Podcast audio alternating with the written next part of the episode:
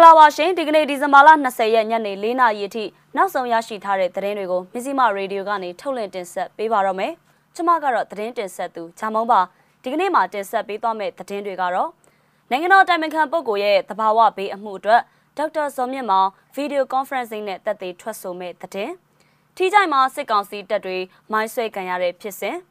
ဖားကတ်မြေပြိုမှုမှာတိတ်ဆုံးသွားတဲ့လူ9ဦးရဲ့ရုပ်အလောင်းမတွေ့ရှိသေးတဲ့အကြောင်းအပါအဝင် တထုံမှာရှိတဲ့စစ်တပ်ထုတ်ကုန်ရောင်းချနေတဲ့ဆိုင်ငါးဆိုင်ကိုဘုံခွဲတတိပေးတဲ့သတင်းကိုလည်းပြောပြချင်ပါတယ်။နိုင်ငံတော်တိုင်ပင်ခံပုဂ္ဂိုလ်ဒေါအောင်ဆန်းစုကြည်ကိုဆွဲဆိုထားတဲ့သဘာဝဘေးအမှုနှစ်ခုထဲကဆက်ပြီးစစ်ဆေးဖို့ကြံနေတဲ့အမှုအတွက်ဒေါက်တာဇော်မြင့်မောင်တရလိုပြသက်သေအနေနဲ့ထွက်ဆိုဖို့ရှိနေပါတယ်။ဒီအတွက်ဒေါက်တာဇော်မြင့်မောင်ကိုဒီဇင်ဘာလ29ရက်နေ့မှာဗီဒီယိုကွန်ဖရင့်စင်းနဲ့စတင်စစ်ဆေးမယ်လို့သိရပါတယ်။ ဒီကနေ့ဒေါအောင်ဆန်းစုကြည်ကိုဆွဲဆိုထားတဲ့ပို့ကုံသွင်းကုံနဲ့ဆက်သွယ်ရေးအမှုအပိသက်အမိန်ချမဲ့ရက်မှာတစ်ဆက်တည်းချင်းဆိုလိုက်တာဖြစ်တယ်လို့တရားရုံးနဲ့နှီးဆက်သူတချို့စီကသိရပါဗျ။နိုင်ငံတော်တိုင်ပင်ခံပုဂ္ဂိုလ်ဒေါအောင်ဆန်းစုကြည်ကိုပို့ကုံသွင်းကုံပုံမှန်၈နဲ့ဆက်သွယ်ရေးပုံမှန်69အမှုအတွက်ဒီကနေ့အပိသက်အမိန်ချဖို့ရှိတာပါ။ဒါပေမဲ့တရားသူကြီးကဘာအကြောင်းပြချက်မှမပေးဘဲရက်ရွှေဆိုင်လိုက်တာဖြစ်ပါတယ်။ဒေါက်တာဇော်မြင့်မာကိုတရားလိုပြသက်သေထွက်ဆိုဖို့တရားရုံးက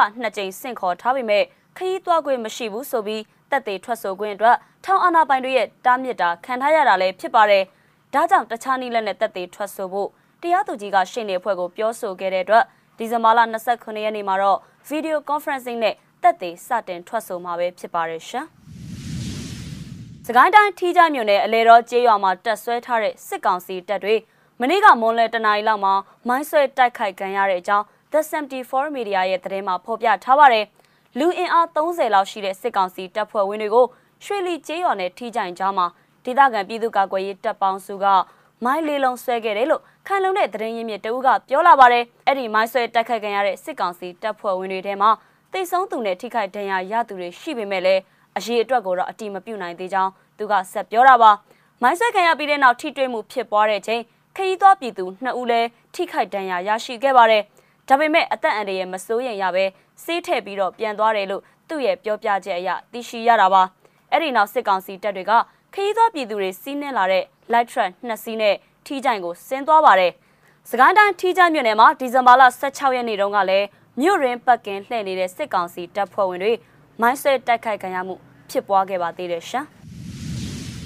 ဖကတ်မြို့နယ်စိတ်မူအုပ်စုစန်းကြပုံကျေးရွာမှာမြေစာပုံပြိုကျတာကြောင့်လူ9ဦးသေဆုံးသွားပါတယ် ဒီသေဆုံးမှုမှာပါဝင်တဲ့လူ9ဦးရဲ့ရုပ်အလောင်းကိုဒီကနေ့အထိမတွေ့ရသေးဘူးလို့ကချင် News Group ရဲ့သတင်းအရသိရပါဗျ။တာဝန်ရှိတဲ့ကယ်ဆယ်ရေးအဖွဲ့တွေကဒီကနေ့တော့ရှာဖွေတာရပ်နာလိုက်ပြီးမနေ့ကတနေ့လုံးရတဲ့နီလန်းတွေနဲ့ရှာပြီးသွားပြီးဒါပေမဲ့လည်းမတွေ့သေးဘူး။မြေပြိုးတဲ့နေရာမှာသေဆုံးတဲ့စရင်က9ယောက်ဖြစ်တယ်လို့သိရတယ်ဆိုပြီးကယ်ဆယ်ရေးဆောင်ရွက်ပေးနေတဲ့ပြည်သူတအုပ်ကကချင် News Group ကိုပြောလာပါတယ်။မြေစာပုံပြိုကျမှုဖြစ်စဉ်ကဒီဇင်ဘာလ19ရက်နေ့မနက်အစောပိုင်းတနာရီဝန်းကျင်မှာဖြစ်ပွားခဲ့တာပါ။ သေဆုံးမှုထဲမှာကြောက်စိမ်းကုမ္ပဏီလောက်ကွက်က3ဦးနဲ့ရေမဆေးသမား2ဦးပါဝင်ကြောင်းသိရပါတယ်။အဲ့ဒီရေမဆေးသမား2ဦးကမက်လင်ချောင်ကျေးရွာနဲ့စိန့်ချပုံကျေးရွာတို့မှာနေထိုင်သူတွေဖြစ်ကြောင်းသိရပါတယ်။မြေပြိုမှုဖြစ်ပွားခဲ့တဲ့နေရာကတရားမဝင်လောက်ကင်နေတဲ့လောက်ကွက်နေရာဖြစ်ပြီးပေတထောင်လောက်ရှိတဲ့မြေစာပုံပြိုကျမှုဖြစ်ပွားခဲ့တာပါ။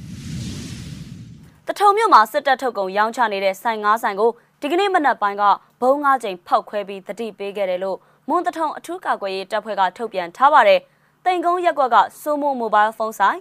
ဘူဒါအောက်ကျင်းရက်ကွက်ကပြည်တော်သာစားတောက်ဆိုင်နာဘူဒါလန်းကသူဝနဘီယာဆိုင်ရှမ်းစုလန်းကရန်ကုန်အဖျော်ရမကအယောင်းဆိုင်နဲ့ပြည်တော်သာအဖျော်ရမကအယောင်းဆိုင်တွေရှေ့မှာပောက်ကွဲမှုတွေဖြစ်ပွားခဲ့တဲ့ကြောင်းတန်လွင်ခက်ရဲ့သတင်းမှာဖော်ပြထားပါတယ်။ဘုံပောက်ကွဲမှုတွေကြောင့်ဆိုင်တချို့ရဲ့ဆိုင်ကန်းနေရာတွေနဲ့အုပ်စီးရုပ်တွေလည်းထိခိုက်ပျက်စီးသွားပါတယ်။ဒါ့အပြင်လမ်းသွားလမ်းလာစိုက်ကားနင်းသူတဦးကလည်း အနှဲငယ်ထိခိုက်ဒဏ်ရာရရှိခဲ့ကြောင်းသိရပါတယ်ရှင်။မီဇီမာရေဒီယိုရဲ့ညနေ၄နာရီအထိနောက်ဆုံးရရှိထားတဲ့သတင်းတွေကိုတင်ဆက်ပေးခဲ့တာပါ။စောင့်မျှော်နားဆင်ပေးခဲ့ကြတဲ့အတွက်ကျေးဇူးတင်ပါတယ်ရှင်။